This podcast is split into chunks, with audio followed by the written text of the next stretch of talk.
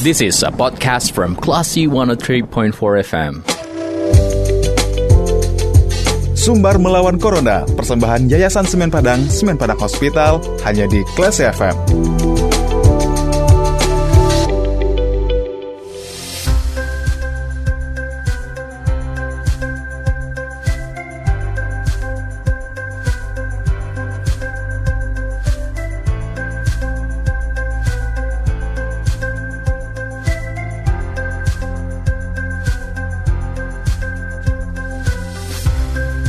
103,4 kelas FM bersama kita lawan Corona. Kelas People kembali mencermati program Sumber Melawan Corona, persembahan Yayasan Semen Padang, Semen Padang Hospital bersama saya Faris Sardana di sore hari ini.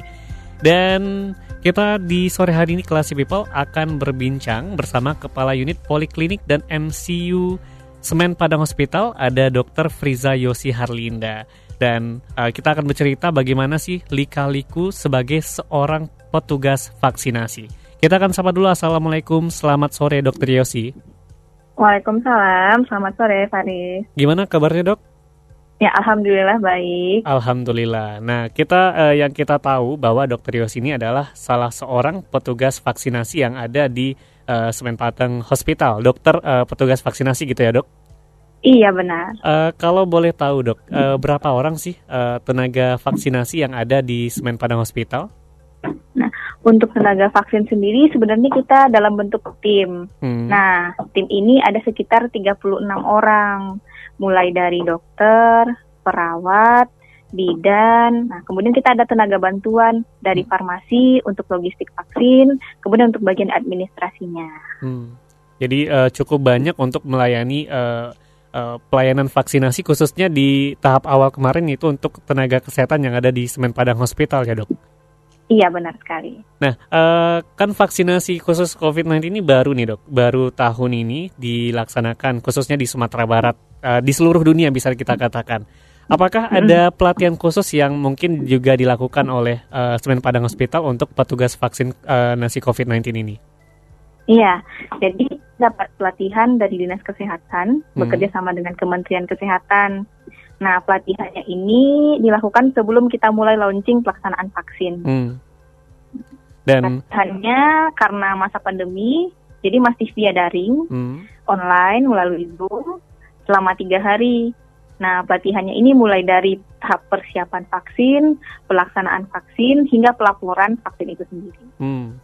Baik, berarti juga uh, perbedaannya adalah kalau sebelumnya kalau vaksinasi itu dilakukan secara langsung pelatihannya, kalau sekarang itu secara daring untuk meminimalisir uh, resiko penularan gitu ya dok?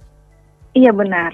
Baik, uh, kemudian dokter apakah uh, pelaksanaan vaksin yang dilaksanakan uh, khusus di COVID-19 ini juga uh, bisa dikatakan berbeda dengan vaksin-vaksin yang lainnya, misalkan vaksin influenza atau vaksin-vaksin uh, yang lainnya?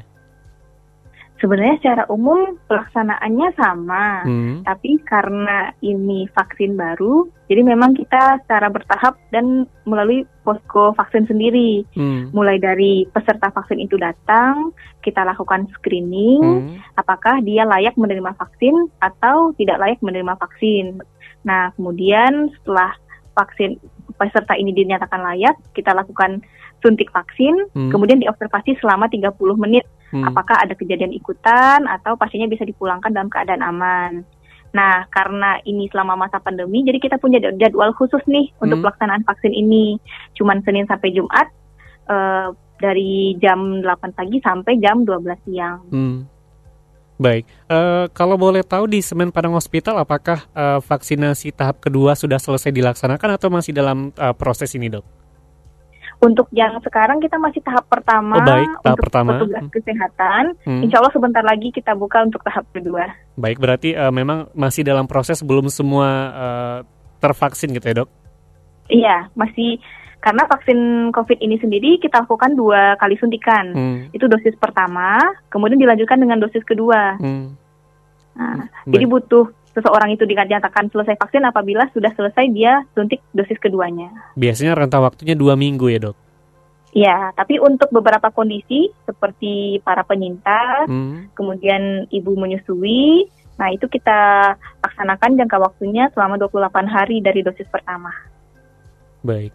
Kemudian uh, dengan uh, pelaksanaan vaksinasi yang khususnya dilaksanakan di Semen Padang Hospital, apakah uh, dokter-dokter petugas vaksin yang ada di sana mengalami kewalahan atau cukup uh, lega dengan pelaksanaan-pelaksanaan sejauh ini, dok?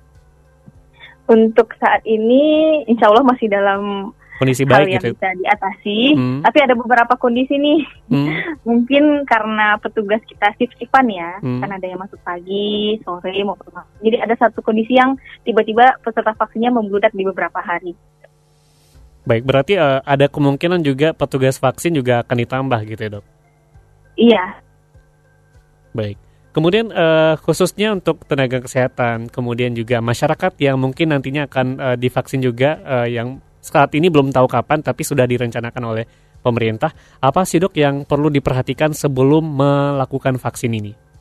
Nah, yang perlu diperhatikan pertama, apakah uh, masyarakat ini sendiri sudah terdaftar atau belum? Hmm. Di nah, uh, situs uh, Peduli Lindungi itu ya dok? Iya benar sekali. Hmm. Nah, jadi masing-masing masyarakat harus mencek nih, apakah dirinya sudah terdaftar sebagai penerima vaksin atau belum.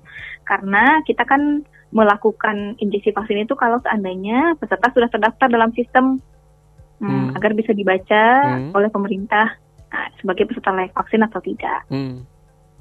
Baik.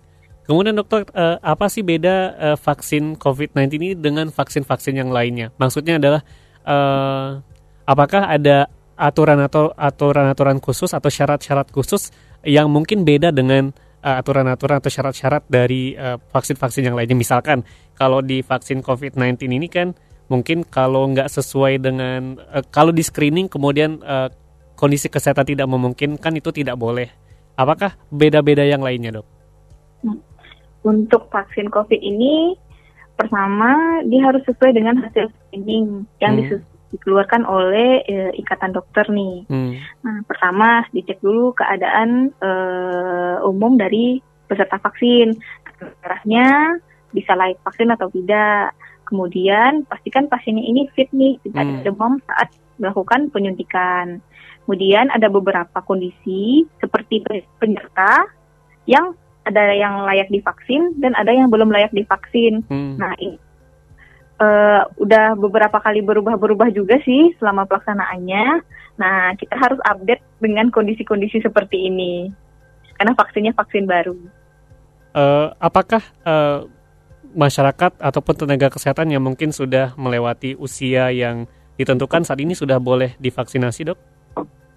Bagaimana bisa diulang? Uh, apakah uh, mungkin tenaga kesehatan yang dengan usia sekian gitu. Kalau sebelumnya kan tidak boleh. Dan saya dengar kabar uh, yang sebelumnya nggak boleh kayak misalkan di atas usia 65 tahun.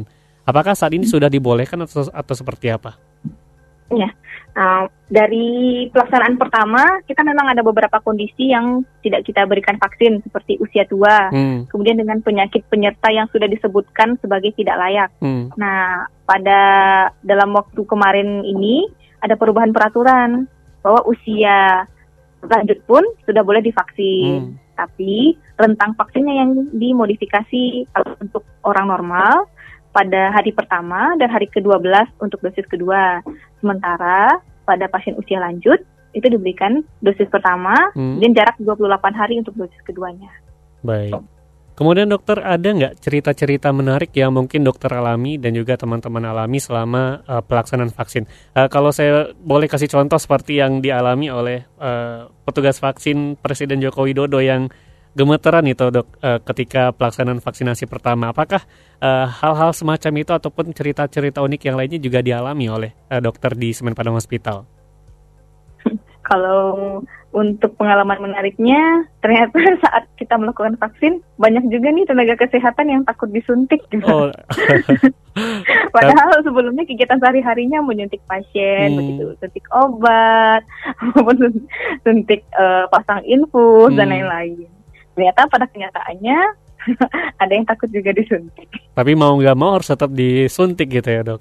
Iya, sebagai uh, salah satu usaha iya. untuk melindungi diri, diri sendiri dan juga uh, orang-orang sekitar. Nah, orang-orang sekitar juga. Baik. Kemudian dokter apa sih pesan yang mungkin bisa disampaikan untuk masyarakat yang saat ini masih takut untuk divaksin? Uh, bukan hanya takut karena uh, jarum suntik, tapi juga uh, hoax-hoax yang beredar. Karena hmm. vaksin ini dari sini, uh, uh, vaksin ini bahkan uh, bakal menyebabkan kelumpuhan. Vaksin akan ini, akan ini. Uh, apa yang mungkin bisa dokter sampaikan kepada masyarakat? Dari pengalaman yang sudah kita lakukan di SPH sendiri, uh, insya Allah vaksin ini aman. Hmm. Uh, tidak ada efek serius yang ditimbulkan. Nah, jadi masyarakat tidak perlu takut untuk divaksin hmm. karena uh, sebelum divaksin pun kita pastikan nih kondisi masyarakat itu layak untuk vaksin apa tidak. Nah, kemudian dari untuk efektivitasnya pun di atas 65% yang insya Allah sesuai dengan uh, kriteria dari pemerintah hmm. untuk vaksin ini setidaknya sudah ada contoh ya dok, ada presiden, kemudian jajarannya, kemudian tenaga kesehatan khususnya di Semen Padang Hospital sudah divaksin saat ini alhamdulillah masih dalam keadaan yang sehat. Mungkin sudah eh, kita saat ini menunggu efektivitas vaksin gitu ya dok, agar iya. bisa benar-benar antibodinya terbangun gitu ya dok. Iya benar. Baik, terima kasih dokter Yosi sudah berbagi bersama kelas FM di sore hari ini.